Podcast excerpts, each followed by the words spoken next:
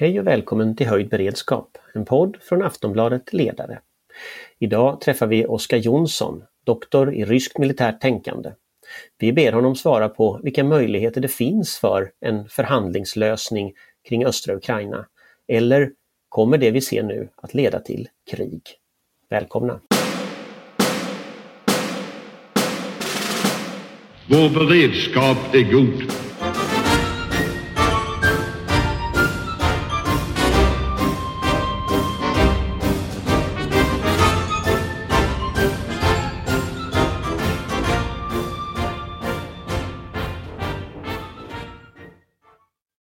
Ja, då är vi eh, tillbaka här eh, igen eh, i cyberrymden och det är jag, Anders Lindberg. Det är Amanda. Wollstad, Svensk Tidskrift. Och Patrik. Oksanen, Senior Fellow Tankesmedjan Frivärd. Och vi har då med oss eh, Oskar Jonsson som är eh, doktor i ryskt militärt tänkande, om man sammanfattar. Det får man Välkommen. göra. Tackar så mycket. Och eh, du var ju med i podden för ett par veckor sedan och förutspådde att Ryssland skulle invadera Ukraina den 22 januari. Idag är det den 24 januari. Eh, vad är det som har hänt? Ja, det är en bra fråga. Nej, men om vi får börja eh, liksom plocka gamla oplockade gåsar så, så var jag väldigt tydlig på att eh, jag inte ville spekulera och sen vart jag påtryckt och påtryckt och påtryckt. Så då, då skojade jag med datum. Så att jag säger precis som, som Gudrun Persson med mycket, med mycket omdöme brukar säga, jag vill inte förutspå sånt där. Men Eh, så, det är, Men- brass, men, eh, det är lördags- brasklapparna på sidan. Absolut, det är brasklapparna. Men det, Ja. det här är då en kvällstidning så de, de funkar inte klockrent med brasklappar. Nej, jag vet. men, jag vet. men, det är det som är så bra man- med talformatet. ja, exakt. Men i lördags, så det eskalerar kan man väl konstatera. Så vad det händer? eskalerar, det eskalerar och eh, jag tror att det finns, det finns ganska många datapunkter som är, som är viktiga att lägga upp här. Eh, jag tror några av dem är dels att eh, USA drar hem sina diplomaters familjer från Kiev. Eh, det meddelades förra veckan att ryska UD gör det. Det har inte bekräftats vad jag har sett, utan det var rykten om att då ryska diplomaters familjer är tillbakadragna från Kiev. Eh, Joe Biden var ute i onsdags och sa liksom någonting i stil med jag tror Putin går in, vilket är faktiskt det som varit mest intressant tycker jag som har hänt sedan dess. Eh, då så säger han också dels lite så här, jag tror inte mina försök att påverka Putins beslutsfattande är relevanta, utan där har vi då liksom mannen med världens bästa underrättelseläge just nu utanför Kreml som verkar tro att det, det är liksom fast beslutet med en invasion där. Ehm, det är ett par sådana saker. Sen tittar man på satellitbilder så ser man att alltså mycket av det Ryssland har byggt upp nu på gränsen till Ukraina, det är framförallt material. Eh, alla förbanden är inte där fysiskt på plats, men sen kan man jämföra på satellitbilder över då ehm, olika baser och då ser man då eh, snö på tälten. Det är inga där i för fyra veckor sedan och sen så nu ser man fyra veckor senare så ser man 60-70 procent av tälten har ingen snö på sig, det vill säga man sitter och eldar i tälten. Det börjar komma dit trupper. Eh, och så lägger man det på olika tidslinjaler. De här landstyrningsfartygen som är inne i Östersjön på väg ner mot Svarta havet Eh, kommer väl ner om typ två veckor. Eh, den här ryska militärövningen i Belarus som man annonserade efter att ha flyttat dit stora mängder militärmateriel är ehm, formellt slut om typ två och en halv vecka, tre veckor, något sånt där. Eh, så att det är väl många tidssignaler, eller så här, dels är det många saker som är oroliga och där tycker jag att här framför allt då Bidens uttalande som också ekades av Estlands överbefälhavares uttalande alltså att det var väldigt troligt med en, Eh, med en attack. Och så tillgängliga tidssignaler. Nu ser det ser, eh, ut som att det, det handlar om eh, veckor snarare än månader. Eh, så återigen, jag vill inte spekulera om det, men jag tycker de, eh, om det är någonting som liksom händelserna visar så är det någon, någon, något form av händelseförlopp i det, eh, i, i det häradet. Liksom. Men jag tänker att, att eh, Storbritannien, Boris Johnson, han var ju ute och uttalade sig tidigare idag och sa att the intelligence was gloomy, sa han var det ordet han använder. Mm. Eh, och eh, förra veckan så sa ju Storbritannien rakt ut att det finns en planering från rysk sida att eh, installera någon form av marionettregim i Kiev. Mm. Eh, vad tänker du om liksom trovärdigheten i den typen av uppgifter. Mm. Är det det ryska målet här? Ja, jag, jag tänker mig att det är eh, trovärdigt. Eh, man ska inte ta all, alla, all publicerade underrättelsekällor at face value, men jag tycker det är extremt intressant och så lägger man det sida vid sida med amerikanska Treasury Department publicerade i torsdags sanktioner där de ganska uttryckligen beskrev en planering på, på fyra individer som hade lobbat för FSB, som var styrda av FSB inne i Ukraina som skapade olika typer av förevändningar. Eh, och det gjorde man till en sån detaljrikedom att, att min bedömning är att man bränner en del eh, liksom, eh, under, eh, man bränner en del källor när man publicerar det. Men jag tror att man har lärt sig från 2014 att eh, det fanns liksom en, en nytta i att Ryssland kunde ha någon form av ambigu ambiguitet, att man inte visste exakt vad som försiggår. Så nu går man faktiskt ut på förhand och säger att nej, det ser ut som att de verkar genomföra liksom den här och den här kuppen med liksom den här och de här figurerna. Eh, någon av det som brittisk und eh, publicerade verkade, verkade då inte stämma, men jag tror att själva taktiken och idén och målen verkar sannolika. Och jag, det ser jag som väldigt positivt att man, liksom, om man återigen går tillbaka till 2014, så så här, oj, är det här en folklig uppresning? Är det alltså så här, det där tvivlet som, som liksom försenade en respons? Så det tror jag är bra och jag tror man har lärt sig en läxa som man håller på att agera nu. Mm, Patrik? Oskar, jag skulle vilja höra dig utveckla lite grann av de truppförflyttningar vi ser från östra militärdistriktet. Det finns ju olika rapporter om, om att det förflyttas truppförband därifrån mot, mot eh, västerut. Då. Eh, kan du utveckla det och vilken omfattning är det vi ser på det? Mm, jag, har ingen, jag har ingen count, men jag vet att samtliga Eh, fyra arméer från östra militärdistriktets enheter är på väg västerut, men även trupper från centrala militärdistriktet. Och den här övningen som annonserades i Belarus, eh, det var ju nästan, alltså annonseringen kom ju lite post facto, att det redan började rämna in ganska mycket trupper innan man sa oj, nu har vi en övning. Och det var men det var väl ofta då liksom den, det slog igenom i den bredare lagren att eh, oj, nu flyttas en massa trupp till Belarus. Eh, jag liksom tittar på sånt som kommer ut i öppna källor och då ser man liksom, tågvagn på tågvagn på tågvagn. Eh, det är jättesvårt att få en helhetsbild från det. Det finns ju vissa satellitbilder. Jag har inte satellitbilder själv som jag sitter och följer. Jag har eh, mycket ved att hugga. Ehm, så att jag har jättesvårt att, att liksom säga eh, liksom antal. Men, men, vi kan i alla fall säga att, att förflytta trupp från östra militärdistriktet och då för de som inte känner till vad det är, då pratar vi om det som är längst bort i Ryssland, Vladivostok och, och på gränsen mot Kina, långt, långt borta på andra ändan av Transsibiriska järnvägen. Och att förflytta då förband därifrån till, till Europa, eh, till Belarus eller, eller mot eh, den ukrainska gränsen, det är ju ingen, eh, det är ingenting man gör i en, i en på en femöring om man säger som så. Det är en ganska omfattande operation. Ja, nej det är ju det är ungefär eh, hela världens största land och alla dess tidszoner och, och, och sådär. Och den som har åkt på svenska järnvägar vet att det inte alltid är lätt att flytta saker och lätt och snabbt att flytta saker på järnväg, så det tar ju ett tag. Men, ja, det får ju man... Försvarsmaktens förflyttning av truppförband till Gotland att, eh, som en, en söndagsskolepromenad. Men jag tänker om man tittar på liksom volymmässigt, det har ju förekommit uppgifter om att det är över 100 000 soldater på plats vid gränsen. Eh, jag har sett ännu högre siffror från Washington Post och så som rapporterade innan. Eh, om, om man tänker liksom, vad är det de här förbanden kan göra? Mm. Eh, om man tittar på liksom, utifrån vilken materiel och vilken utbildning och så de har. Vad mm. är det för typ av mm. förband man sätter in nu? Mm, mm.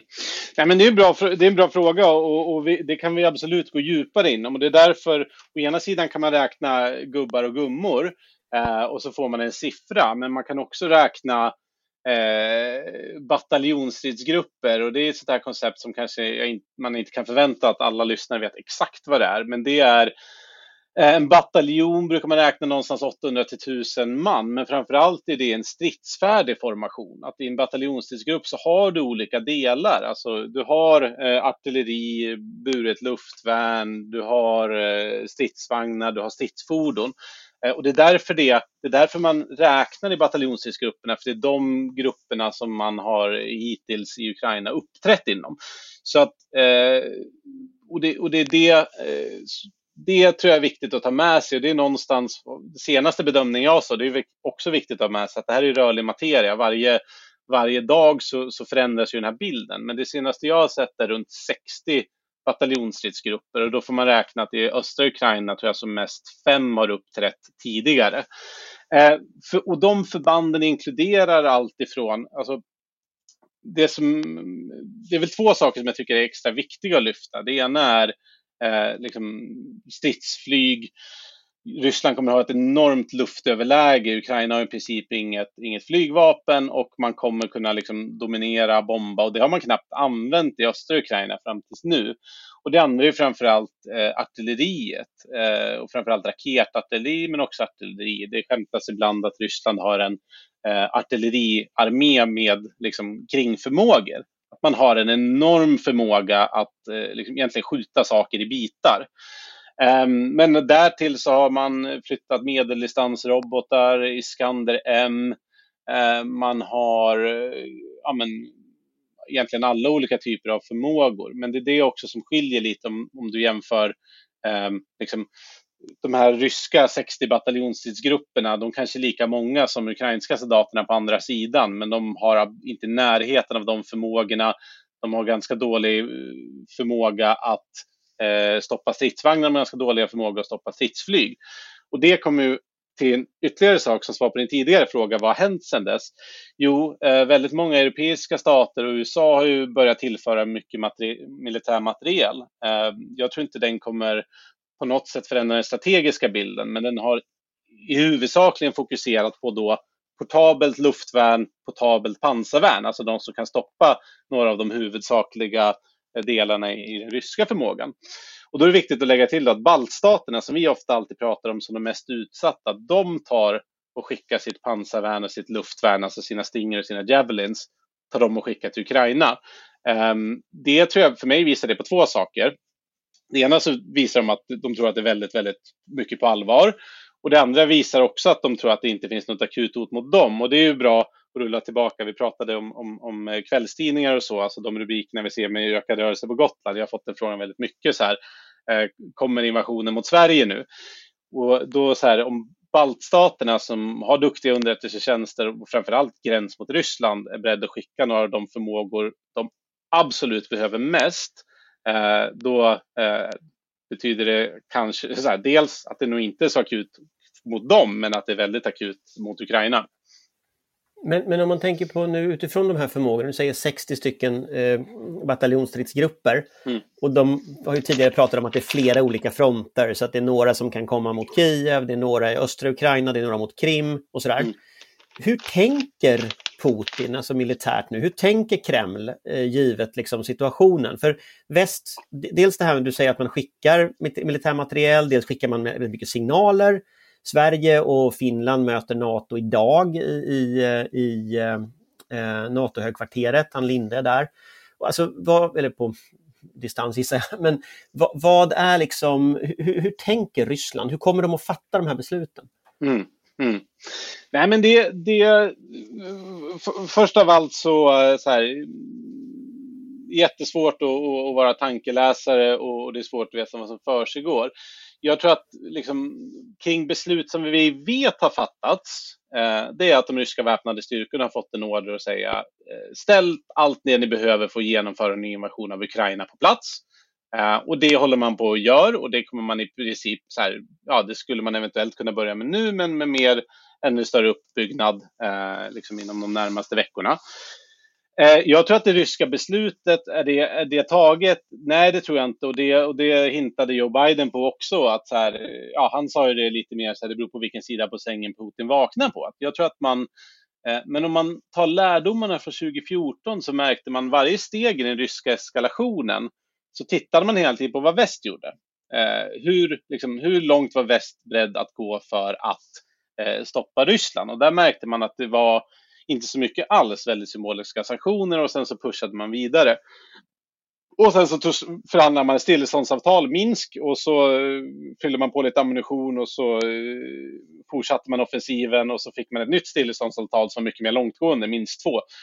Eh, så att jag, tror, jag tror att man tittar ganska mycket på vad väst gör och vad väst säger. Um, om Joe Biden till exempel fick väldigt mycket skit för att han sa att eh, ja, gör man en minor incursion så är det nog ganska lugnt, medan gör en major incursion så, så kommer det få svar. Um, hittills så har väst framför allt sagt ja, ekonomiska, politiska sanktioner, vi kommer inte ställa någon trupp där.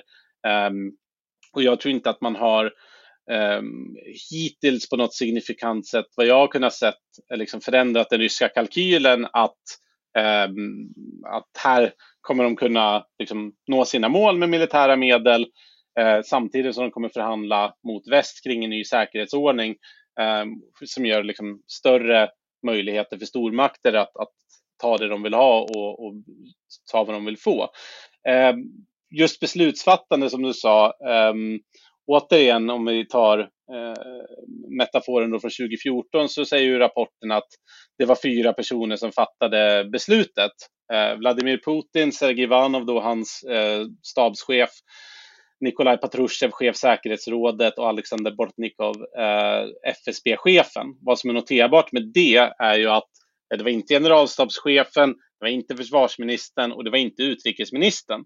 Um, och det har ju varit en sån genomgående diskussion kring hur vi läser och förstår Ryssland. Att Sergej Lavrov verkar inte vara i den innersta kretsen. Han är en extremt skicklig diplomat som, som har varit med väldigt länge, men han verkar inte vara den som tar det här beslutet.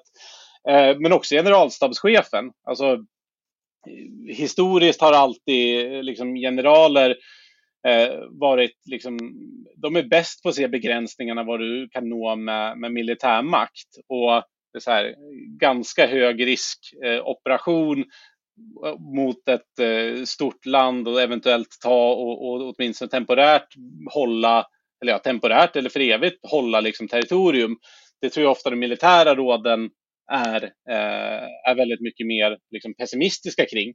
Medan eh, politiker har ju, eh, har ju en förmåga att, att, se möjligheter där myndigheter ser problem. Eh, så att eh, det är också någonting som talar för, liksom, man kan göra en analys och säga att det skulle vara väldigt svårt eh, att liksom invadera och hålla Ukraina. Eh, men det är inte alltid säkert att eh, liksom, högsta politiska ledningen eh, kommer, kommer ta den kalkylen och analysen högst. Liksom. Men nu börjar det också finnas en, en mer påtaglig nervositet för, för läget och den upptrappning. Tidigare idag så, så twittrade ju Lettlands försvarsminister, eller vad säger utrikesminister Edgars Rinkiewicz. Eh, We are reaching the point where continuous Russian and Belarusian military buildup in Europe needs to be addressed by appropriate NATO countermeasures. It is time to increase allied forces presence in the alliance eastern flank, both as measures of defense and deterrence.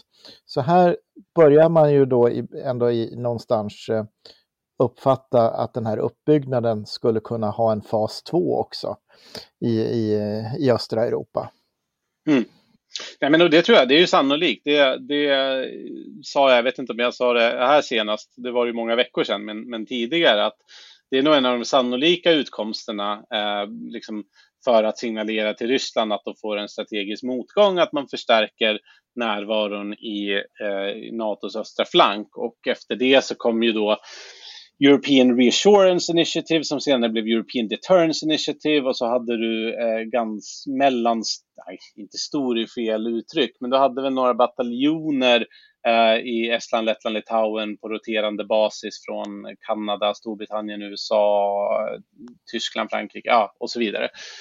Um, och du har en bataljon det, i, varje, i varje baltiskt land och en i ja, Polen på roterande basis. Ja, exakt. Och det var väl ett sätt att liksom så här, ja men gör ni dumheter och så här, ni säger att ni är väldigt oroliga för NATO-utvidgning och NATO-trupper och gör ni dumheter så ser vi till att det blir mer av det. Sen så um, Eh, en bataljon i Estland eh, gör inte så mycket mot ett, ett land som ganska enkelt liksom vispar upp 30-60 bataljonsstridsgrupper. Eh, men det är, mer, eh, det är ganska mycket symbolik och jag tycker de, de sakerna som annonserats nu, att man skickar liksom en fregatt till, till Baltikum och, och, och ett par F16 till Litauen och två F35 till Bulgarien. Det är ingenting som får mig att tro att det påverkar Rysslands strategiska kalkyl eh, på något sätt. Men, men, när du pratar om strategisk kalkyl, Mm. Eh, jag tänker att borde inte den också inkludera den ekonomiska delen, den liksom rent politiska delen multilateralt. Det är ändå globala makter vi pratar om här. Det kommer ju att få som följdeffekter på väldigt många områden. För västs del så tittar vi också på Kina, vad händer där? Alltså det, det blir en spiral av negativa säkerhetslägen. Liksom. Mm. Eh, bryr de sig bara om rent militärt vilka mm. åtgärder man gör mot Ryssland eller? Mm. Ja, men det, här är, det här är egentligen den svåraste delen att, att förstå den här kalkylen. Alltså det är många som, eh, alltså som, som läser ryskt beteende och säger men gud vad dumma de är. Alltså, Eh, fattar de inte att nu kommer Europa höja försvarsuppgifterna och, och, och, Sverige och Finland går med i NATO och de får alla de här strategiska motgångarna som de varit rädda för från början. Eh, och jag tror att det är eh, i viss mån så tror jag att de absolut prisar in olika typer av åtgärder, absolut sanktioner, absolut eh, liksom att, att Moskvabörsen sjunker. Den har väl sjunkit typ 10 procent, 15 procent eller sånt här senaste veckan. Um, det tror jag man prisar in, men jag tror inte att man ser det som liksom eh, deterministiskt. Jag tror inte det är det viktigaste, utan återigen eh, så är eh, liksom gaspriset rekordhögt, oljepriset är Eh, liksom, man har dubbelt så mycket, ja, eller man har beräknat sin statsbudget på hälften av det. Och man har liksom i princip ingen statsskuld och väldigt, väldigt mycket tillgångar. Så att man har absolut liksom den ekonomiska beredskapen för att ta de här smällarna.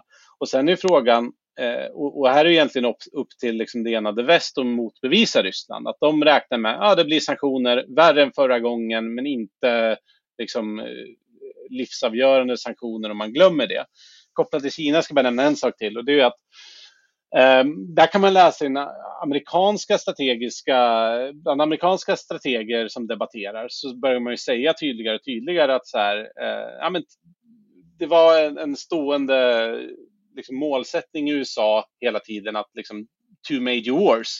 Eh, man skulle kunna krasst sagt slåss mot både ryssen och kinesen och nu börjar man inse att det är ett major war och sen så eh, plus plus på den andra, eller, ja, eller, och någonting där mindre i den andra teatern. Eh, och helt klart är allt fokus på Kina. Så att det är ju i, mot Europa som, som den de facto amerikanska eh, Eh, förmågan kommer minska. Eh, och så sitter man i USA och titt, så här, ja, men tittar på européerna, de är ju rikare per capita än oss, de måste ju reda ut det här själv. Ehm, och där är vi, där är vi tillbaka till 2014 igen. Liksom. Eh, hur mycket signifikant gjorde vi då när Ryssland de facto annekterade och tog kontroll av eh, liksom både Krim och östra Ukraina? Eh, inte så mycket. Kommer det bli mer nu? Säkert, men jag tror inte att... Eh, alltså, Titta på Tyskland till exempel. De håller på att blockera eh, vapenleveranser till Ukraina för att de inte vill, inom citationstecken, eskalera läget, vilket jag inte vet om man kan beskylla Ukraina för. Men de har i alla fall fått den idén och tycker att det vill inte sanktionera Nord Stream och alltså så här, det jag är inte säker på att Ryssland läser väst fel.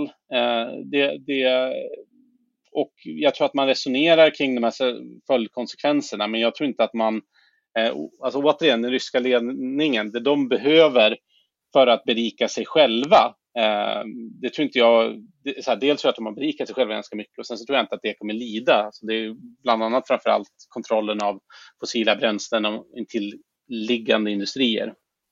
Men, men, betyder det att de tror att väst bluffar helt enkelt?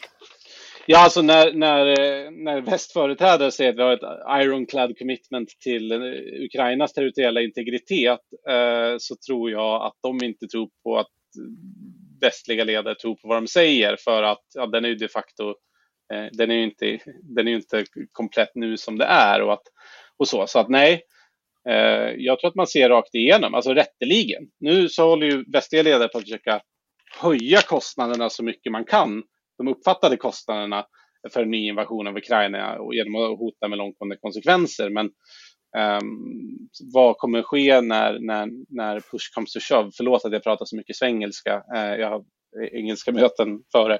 Uh, nej men vad så här, vad, uh, så här, de har ingen anledning hittills att göra en annan kalkyl. Ehm, så. Det är upp till oss att ge dem en annan anledning. Amanda? Nej, det är väl inte så mycket och jag är ju väldigt oroad över Europas oförmåga att hålla samman, precis som Oskar säger. Det finns ju ingenting att sätta emot, inte minst det vi har sett från Tyskland de senaste dagarna där det i och för sig finns sina historiska skäl att de, de gör som de gör. De har ju alltid varit väldigt känsliga när det gäller vapenexport. Eh, Men det blir ju naturligtvis en, en, helt felaktig signal som skickas nu. I synnerhet då samtidigt som vi har sett den här uh, tyska marinchefen som uttryckte sig fullständigt huvudlöst i Delhi häromdagen innan han tack och lov fick avgå för detta. Man nästan säga vad han sa också. Ja, han pratade väl om att det var, vill, vill Ryssland verkligen ha en liten strimma av, av uh, ukrainsk mark? Vill de inte bara ha respekt? Och det har de ju förtjänat och uh, Krim är, kommer aldrig att uh, återvinnas. Eh, och vi behöver Ryssland på vår sida mot Kina, vilket ju också är en väldigt intressant analys med tanke på de kinesisk-ryska relationerna. Eh, sa han under ett öppet möte när han visste att han spelades in och fint sen naturligtvis avgå. Eh, vi har också haft eh, tysk public service där en av deras Moskva-korrespondenter pratar om vilken, hur det uppfattas, som man förstår det helt rimligt, som en provokation i Ryssland att eh, Sverige har skickat svensk trupp, ett par hundra personer, till Gotland. Man kan ju försöka föreslå för Moskva att de inte skickar några hundra ryska soldater till eget territorium och se hur de skulle reagera på det. Så att det, det är väldigt mycket farliga signaler just nu från en av regionens storspelare som verkligen skulle ha behövt ta ledartröjan i det här läget. Eh, dels för, för liksom Östersjöregionen som sådan. Tyskland igen, den stora ekonomiska och delvis även militära makten i området. Eh, men även därför att om inte ens vi kan hålla ihop här uppe med de enda stora kulturella likheter vi har, vad fan händer då på EU-nivå? Um, ehm, det, det pushar ju och vi har ju också sett Tyskland vill inte låta eh, Estland exportera krigsmateriel som från början kom från Tyskland till eh, Ukraina medan britterna kör flera flyg varje dag med förnödenheter till Ukraina. Och vi ser återigen den här förskjutningen mot den anglosaxiska världen där Storbritannien och USA och Kanada, eh, som ju alltid har varit väldigt engagerade i Ukraina, har en väldigt stor ukrainsk diaspora, eh, tar den stora vikten jämfört med då EU, Europa som gör väldigt, väldigt lite och inte kan enas om någonting. Vilket är en oerhört oroande maktförskjutning och ger Putin och Ryssland helt rätt i deras analys att vi kommer inte göra någonting för vi kommer inte komma överens om vad vi ska göra för någonting. Patrik? Det är ju den negativa bilden. Eh, ska man försöka då, jag håller ju egentligen i grund och botten väldigt mycket med det, men om man ska försöka få lite dynamik i det här samtalet så kan vi i alla fall lägga den motbilden att eh, det som Europa i alla fall har klarat överens om att vara eniga om, det är att hålla fast vid de sanktioner man kom överens om. Eh, Ryssland hade ju räknat med att Krim 2014 skulle vara ett överspelat kapitel vid det här laget när det gäller sanktioner. Där har EU lyckats hålla fast vid de sanktionerna. Det är i sammanhanget en, en, en liten positiv aspekt. Eh, sedan så återstår ju att se hur den tyska regeringen kommer att då internt hantera det här om det blir en rysk offensiv som vi, vi nog tror i den här podden inom en inte alltför avlägsen framtid. Vi har ju en mer hökaktig utrikesminister i de grönas eh, Baerbrock och eh, eh, mot det står ju den traditionellt mer undfallande eh, socialdemokratin då med Schultz, eh, eller Scholz, tror jag att han uttalar sitt namn, va, Anders? Eh, så, ja, så, så det är ju det blir ju så att säga sanningens ögonblick för Tyskland om Tyskland kan, kan hitta sin, sin inre kompass. Ehm, så att eh, den optimistiska vinkeln är ju att juryn fortfarande är ute och förhoppningsvis kan överraska. Och det gäller även Sverige och de partiledarsamtal vi kommer att ha på onsdag. Mm. Du är en obotlig optimist, eh, Patrik. Jag, alltså så här, att EU kunde behålla sina sanktioner eh, är ju enbart bra i det avseendet att det hade sett fantastiskt dåligt ut om man inte hade gjort det. Medan innehållet i de sanktionerna, sanktionerna som EU fortfarande håller på är ju väldigt begränsade. Alltså vi pratar om eh, viss teknologiöverföring. Vi pratar om att ryska företag inte får låna, ta lån med längre hållbarhet än 30 dagar på internationella finansmarknader. Eh, och lite liksom vapenteknikexport. Eh, och inte... och sen, sen individer också. Ja, ett par individer och de som är viktiga har redan eh, stoppat bort sitt välstånd i, i skatteparadis och eh, brevlådeföretag, så, så de, de kommer man inte åt. Och de eh, mindre, de kommer ändå inte planera på att lämna Ryssland resten av livet. Så jag, så här, ja, nej men och sen så till Tyskland. Eh, det får mig att minnas så mycket hur det var 2014. Tyskland var en enorm bromskloss på ett enat västligt svar till, eh, så som jag har förstått eh, bilden, tills Merkel egentligen personligen fick nog och bara sa nej, nu, nu skiter jag i det här. Eh, EU, allt ni kommer överens om kommer jag att godkänna, jag kommer inte vara en bromskloss. Men det vittnar ju också lite om hur, hur, liksom, hur flyktigt den enigheten som uppstod där och då var och, och hur det nu faller samman. Eh, jag hade väldigt mycket förhoppningar på, på Baerbock. Eh, de gröna i Tyskland har haft ganska sunda Rysslandsreflexer eh, och inte heller varit liksom eh, om man ska lägga på en, en, en, liksom en miljömässig analys, alltså så här, importera massa fossila bränslen från Ryssland, det är en bra idé eller, eller ska man göra någonting annat? Liksom? Så här, det kan man också göra. Men eh, nej, så att vi är tillbaka egentligen så som det har varit ganska länge eh, och vi har bara glömt det tyvärr lite eftersom Merkel då gick med på, på massa sanktioner sedan 2014, att, att Tyskland är en enorm bromskloss. Eh, dels av historiska skäl, men också såklart av ekonomiska. Eh, det finns inget land som har så stor eh, handelsutbyte som Tyskland med Ryssland. Eh, Rysslands tre största importer från Europa, vet ni vad det är? Från Nej. Europa? Champagne? Nej, det är då eh, störst eh, bilar, näst störst läkemedel, tredje störst bildelar. Och vem bygger bra bilar i Europa? Eh, så. Fransmännen? Nej,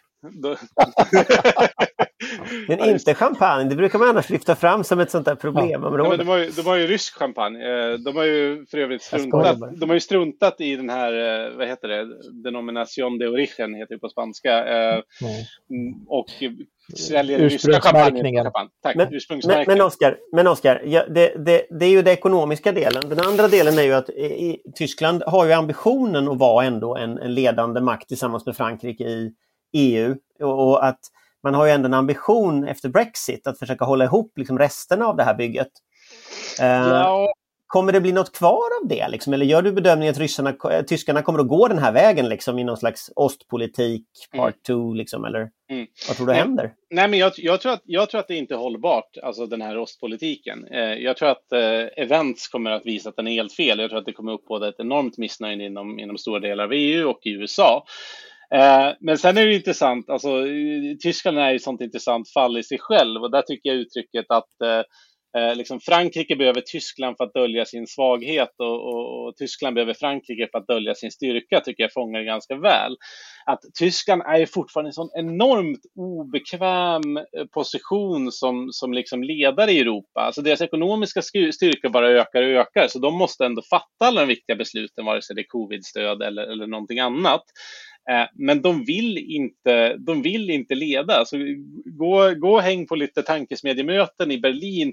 Och när de pratar så kommer liksom, det kanske kommer vara någon som uppfattas som extremt hök och bara säga men nu är det dags, nu måste vi ta lite större ansvar. Medan många är lite så här, jag vet inte om vi vill det och jag vet inte om resten av Europa kommer tycka det är så kul. Det gick lite sådär senast. Alltså det finns en enorm ovilja eh, och det eh, det tror jag inte heller man, man kommer undan för att det kommer liksom, vare sig de, de röstar negativt eller positivt kommer de ha en enorm påverkan. Men jag tänker om vi tittar, förlåt Patrik. Nej, jag tänkte bara konstatera att det är väl hög tid att Tyskland eh, inte glömmer bort det tredje riket men kommer över de hämmande komplexerna efter det tredje riket. Så länge ja, det är rätt att böja sig för en totalitär diktatur är ju liksom en rätt kass eh, historisk konsekvens av att en gång ha varit en totalitär diktatur kan man tycka. det kan man.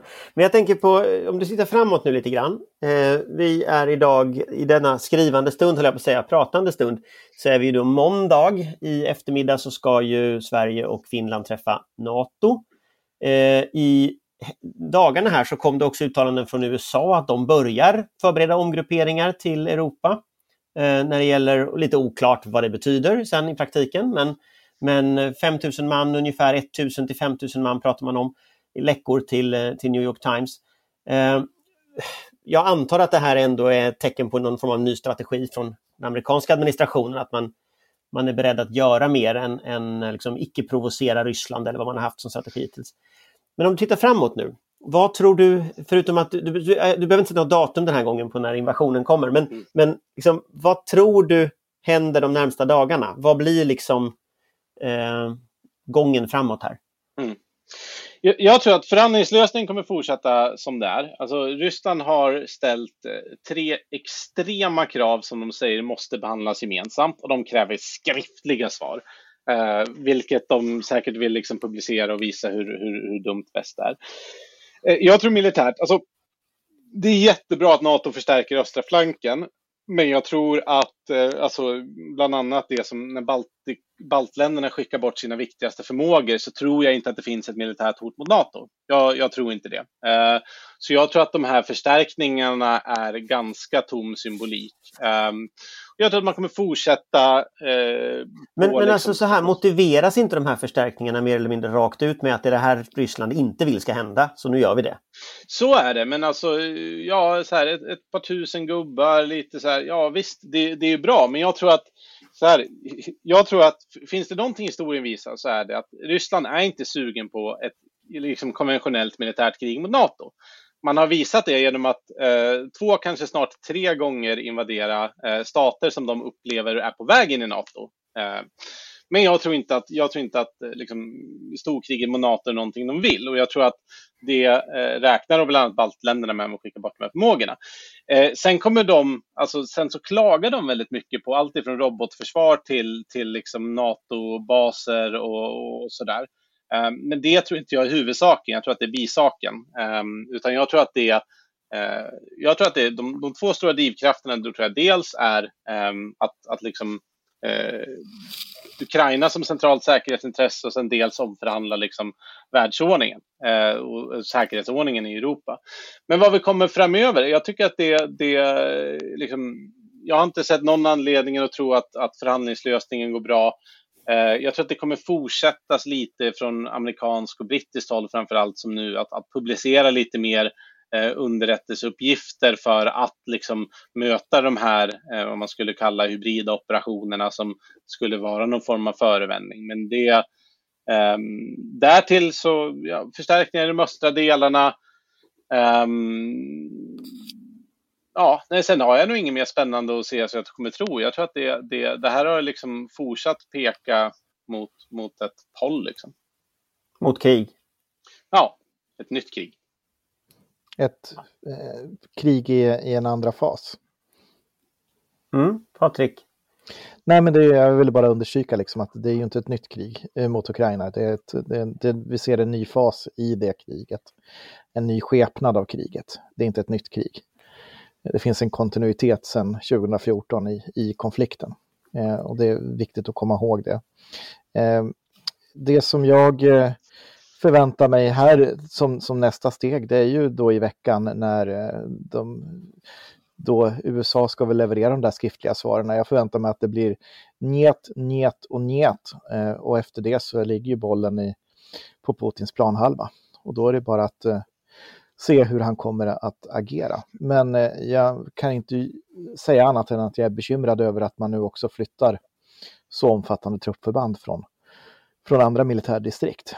Eh, det, det är eh, antingen så tyder det på en, en, att man är beredd att, att verkligen gå hårt och, och rejält in i Ukraina. eller att det är liksom någon slags gardpostning, skrämsel mot, mot väst. Men eh, Oskar kanske har en, en, en klo, krok på den. Ja, men jag, måste, jag vill bara lägga till en sak och det, och det är tyvärr, eh, alltså en av anledningarna till att jag är riktigt dyster i det här, det kan absolut vara så att, att liksom Moskva bluffar och man bygger upp massor för att få en förhandlingslösning och det vore väl eh, liksom bra om vi slipper det nya kriget. Men problemet är, alltså en av anledningarna till att vi är här där vi är, skulle jag säga, det är att vi har gjort väldigt, väldigt lite att avskräcka eh, från ryska militära operationer varje gång de har genomförts tidigare. Det var det jag var inne lite på. Och därför finns det också en kostnad eh, från, liksom, det finns ju även förväntningar och uppfattningar om ryska ledningen.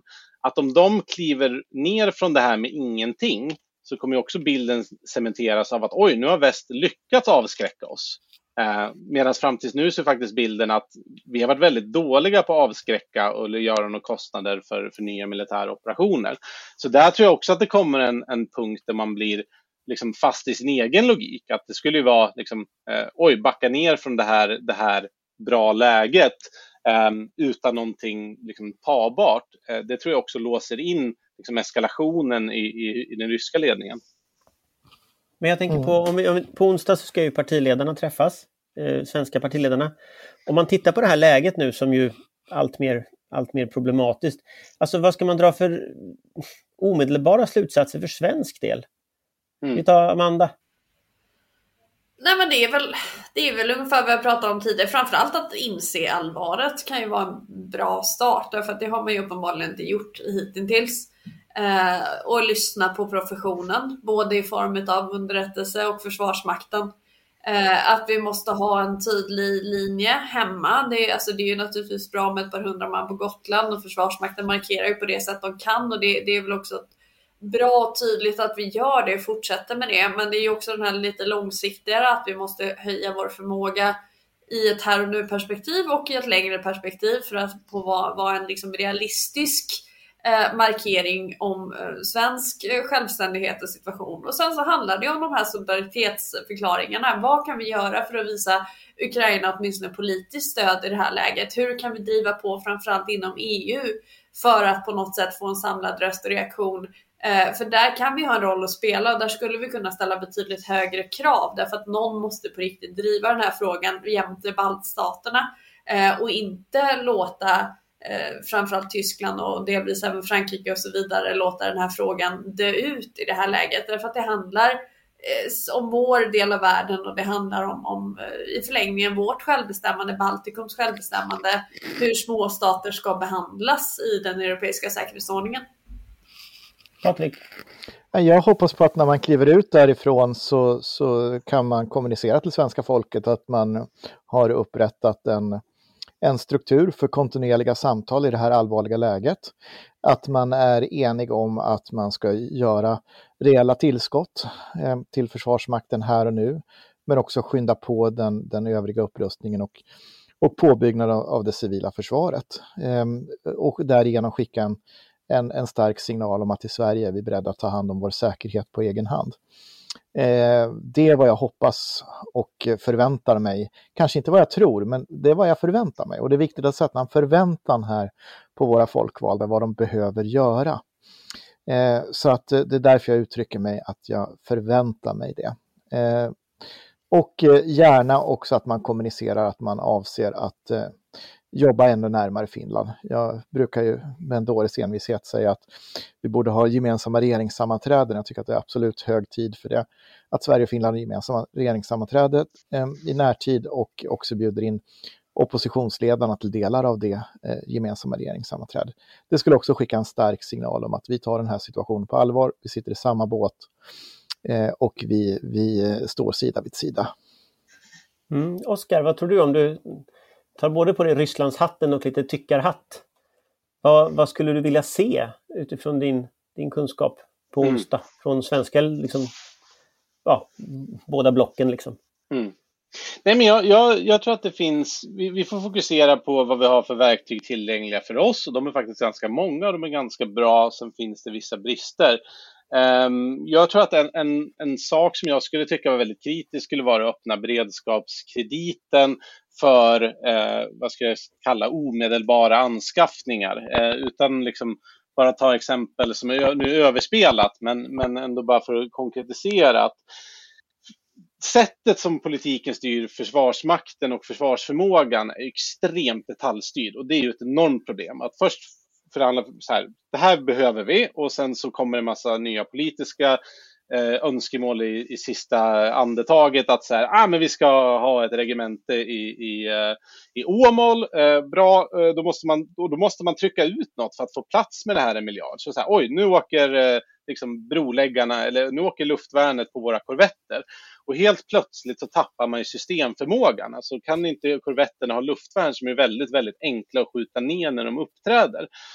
Så att om politiken verkligen tar liksom försvarsförmågan på allvar så behöver man en, en blocköverskrid, blocköverskridande skärp er. Alltså läs Riksrevisionens rapporter som visar hur dåligt den politiska styrningen av Försvarsmakten är, som gör att de olika systemen inte lirar ihop. Eh, det är en sån sak och det tycker jag att det är liksom det har lyft förslag tidigare att här, ja, men ge Försvarsmakten 40 miljarder engångstillskott som inte är bundet av budgeten. Det är lite tekniskt, men jag tror att eh, det är någonstans som man tycker att, att liksom försvarsfrågan är allvarlig. Eh, jag tycker att eh, vad man mer ska göra där är absolut drivande i EU, eh, absolut drivande för sanktioner, Um, och vill också fråga vad kan man göra för att stötta Ukraina? Alltså, våra viktigaste samarbetspartner skickar pansarvärn och luftvärn, något som vi händelsevis, och det här är inte sponsrat av Saab, producerar alldeles utmärkt här i Sverige. Um, nu håller våra, liksom, Danmark skickar sina stridsflyg till Litauen. Um, här, Danmark skickar en fregatt till in i Östersjön. Vart skickar vi svensk trupp? Um, så här, vart, vart bidrar vi? Stöttar vi något annat land på frontlinjen? Eller så här, det är jättebra att vi ökar i Gotland, men vart är nu, nu har vi en solidaritetsdeklaration, eller solidaritetspolitik. Vi ska hjälpa andra och andra ska hjälpa oss. Men vart, vart rör oss våra trupper? Vart visar vi vår solidaritet? Mm. Det är en intressant fråga. Om Patrik fick bestämma så skulle vi skicka dem till Finland skulle jag tro. Nej, jag skulle faktiskt säga att eh, jag skulle vilja se att eh, vi kanske, och i sådana fall, eh, om vi ska skicka dem någonstans så är det ju Baltikum. Eh, samtidigt som, eh, som eh, vi ska naturligtvis vara beredda att, att kunna agera gemensamt med Finland. Men, men det är en symbol ehm, att skicka svensk att, att Sverige ansluter sig till någon av de här roterande bataljonerna med, med roterande trupp. Då kommer vi till den detaljen att vi är ju inte med i NATO fortfarande. Nej, men, måste alltid men... påminna om detta ibland. Ännu. Men, men, men, men, men, vi, kan ju, vi kan ju bilda en, en egen konstellation med en coalition of the willing för en, en, en roterande.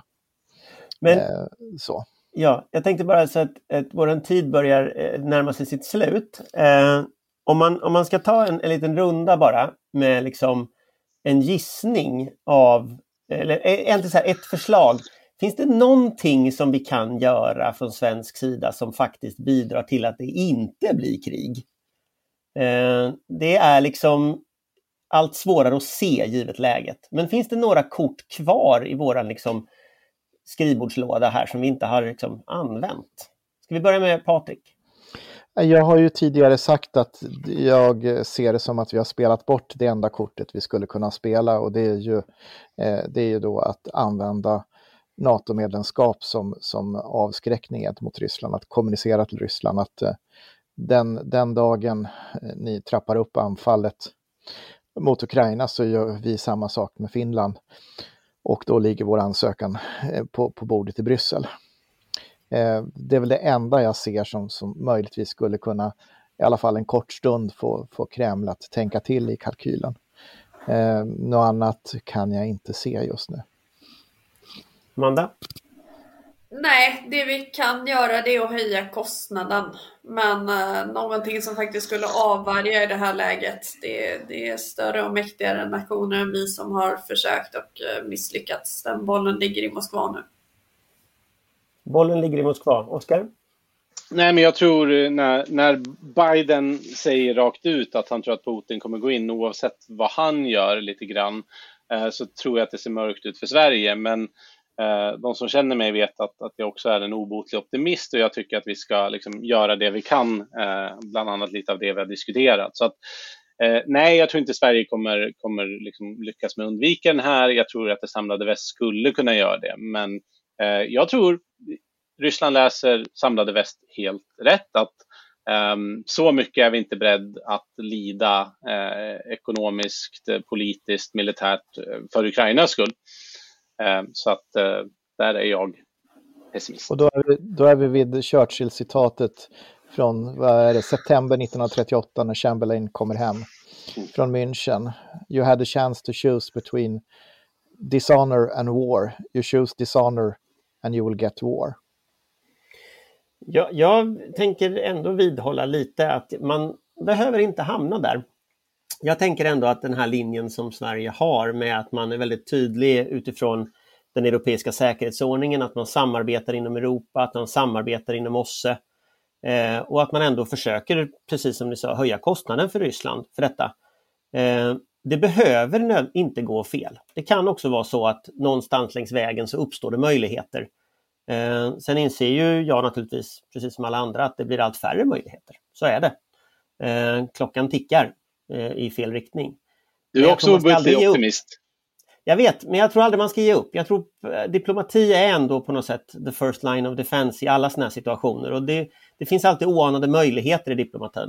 Eh, sen verkar det ju, som, precis som Oskar säger, att Ryssland läser oss som att väst bluffar. Eh, och det är naturligtvis en väldigt farlig liksom, grundposition. Eh, men det gäller väl att förklara för dem att man inte bluffar.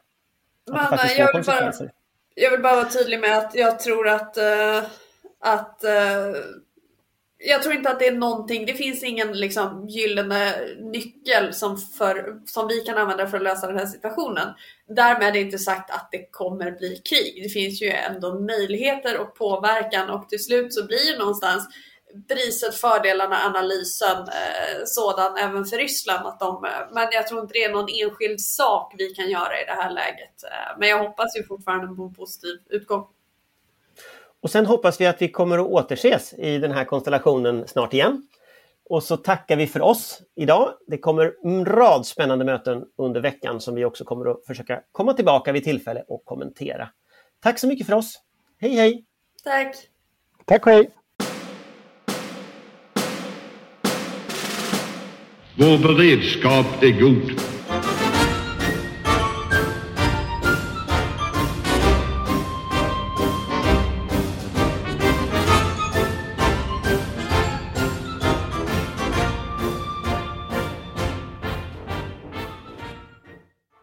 Du har lyssnat på en podcast från Aftonbladet.